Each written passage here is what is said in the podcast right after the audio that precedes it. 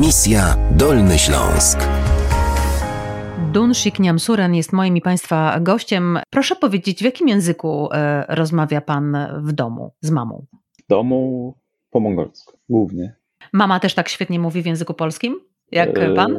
Znaczy, u niej jest trochę gorzej, bo ja przyjechałem jako dziecko, więc nie wiem, dziecko chyba lepiej, najlepiej się uczyć nowego Jasne. języka. Czym Pan się zajmuje tutaj w Polsce? Teraz obecnie pracuję i dwa lata skończyłem studia, tak jakby.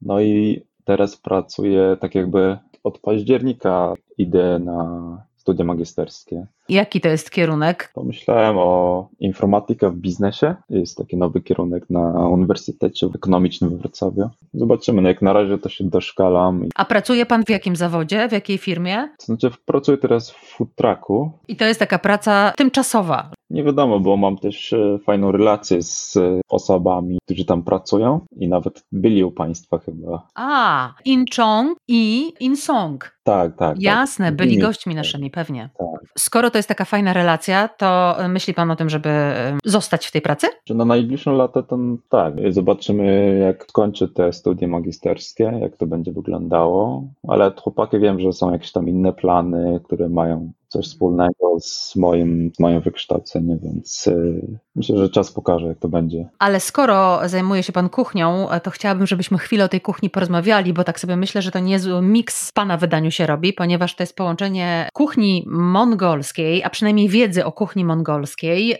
z kuchnią koreańską, no i polską. Koreańską, ponieważ Pan pracuje w tej firmie, którą prowadzą Koreańczycy, no a Polsce, ponieważ Pan w Polsce mieszka. No i teraz y, tak sobie myślę, co na tym wspólnym mongolsko-koreańsko-polskim, co na tym wspólnym talerzu by się znalazło. Pierogi chyba. U nas w Mongolii pierogi są bardzo popularne, są takie pierogi mongolskie z mięsem, wołowina, baranina. W Polsce wiem, też są pierogi ruskie z mięsem i tego typu, różne rodzaje. W Korei też są jakieś pierożki, więc wspólny mianownik, no to chyba pierogi będą. Na to wygląda. E, A lubi pan polską kuchnię? Tak, się wychowałem tak jakby od dzieciństwa, także polska kuchnia to jest taka, To jest pana kuchnia już. tak, moja druga kuchnia. Mhm. Takie najbardziej ulubione polskie danie i najbardziej ulubione mongolskie danie, które wciąż jadacie na przykład z mamą. To jeśli chodzi o polskie, może schabowe, takie typowe, ale lubię. Jeśli chodzi o mongolskie, to makaron z mięsem, to się nazywa chulwan, wołowę.